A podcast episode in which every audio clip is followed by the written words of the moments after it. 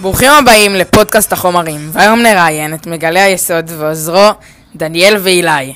שלום דניאל, שלום אילי. שלום, שלום. אז ספר לנו בעצם, איך גילית את היסוד? אז אילי העוזר שלי אמר לי ללכת לאזור קפריסין לפני כמה שבועות, ואמר שיש שם חומר משונה. כאשר הגענו לשם ראינו חומר מוצק עם גוון חום אדמדם. כאשר מצאנו אותו קראנו לאנשים שלנו שחצבו את החומר, ואספו אותו בכמויות, ושמענו אותו בביתו של המדענים. המדענים שלנו יגיעו תכף לאולפן ונראיין אותם.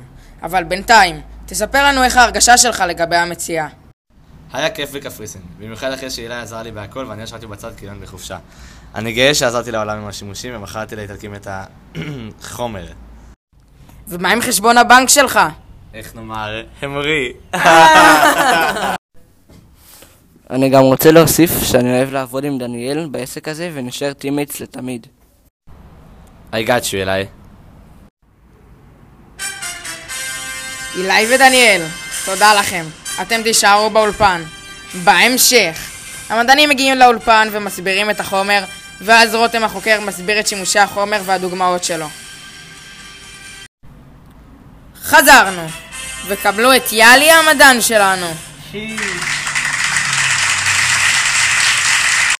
שלום, כיף להיות פה.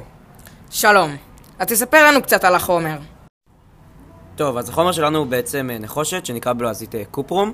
המספר האטומי שלו הוא 29, אה, קבעו זאת אחרי חקירה מעמיקה וסדר מסוים של אטומים. לאחר חקירה מעמיקה שעשיתי, גיליתי שהחומר גם מוליך חשמל באיכות גבוהה. וואו!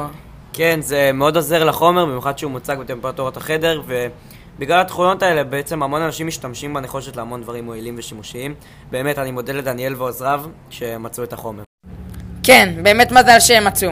תכף באמת, רותם החוקר שלנו יסביר על השימושים. הוא קצת מאחר באמת.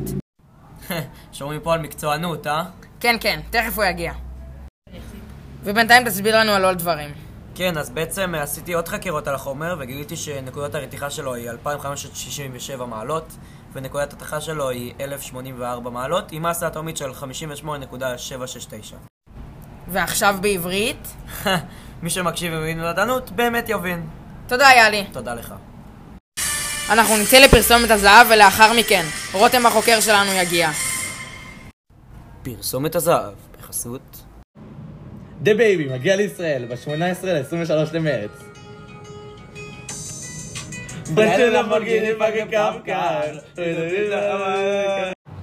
שלום רותם החוקר שלנו. שמענו פה הרבה דוגמאות על החומר, אז עכשיו תסביר לנו למה הוא משמש בעצם. החומר משמש להרבה דברים, לדוגמה, חומר גלם לפיסול, ייצור מוליכי חשמל, ייצור מתכת כמו ארד ופליז. החוקר רותם, מה היו שימושיו של הנחושת בעבר? בעבר הנחושת שימשה בעיקר להכנת כלים ואביזרי קישוט, והיום יש גם כלים, חלקי ריהוט, מטבעות וגם צינורות שעשויים מנחושת. אז איך זה עוזר לכלכלה שלנו בעצם? זה עוזר לכלכלה בכך שזה מצמצם כמות הוצאות מכובדת של חומרים אחרים, שיותר יקרים מהנחושת ופחות שימושיים. תודה לך רותם. קצר ומהיר. אנחנו סיימנו כאן עם פודקאסט החומרים. תודה, ושבוע טוב.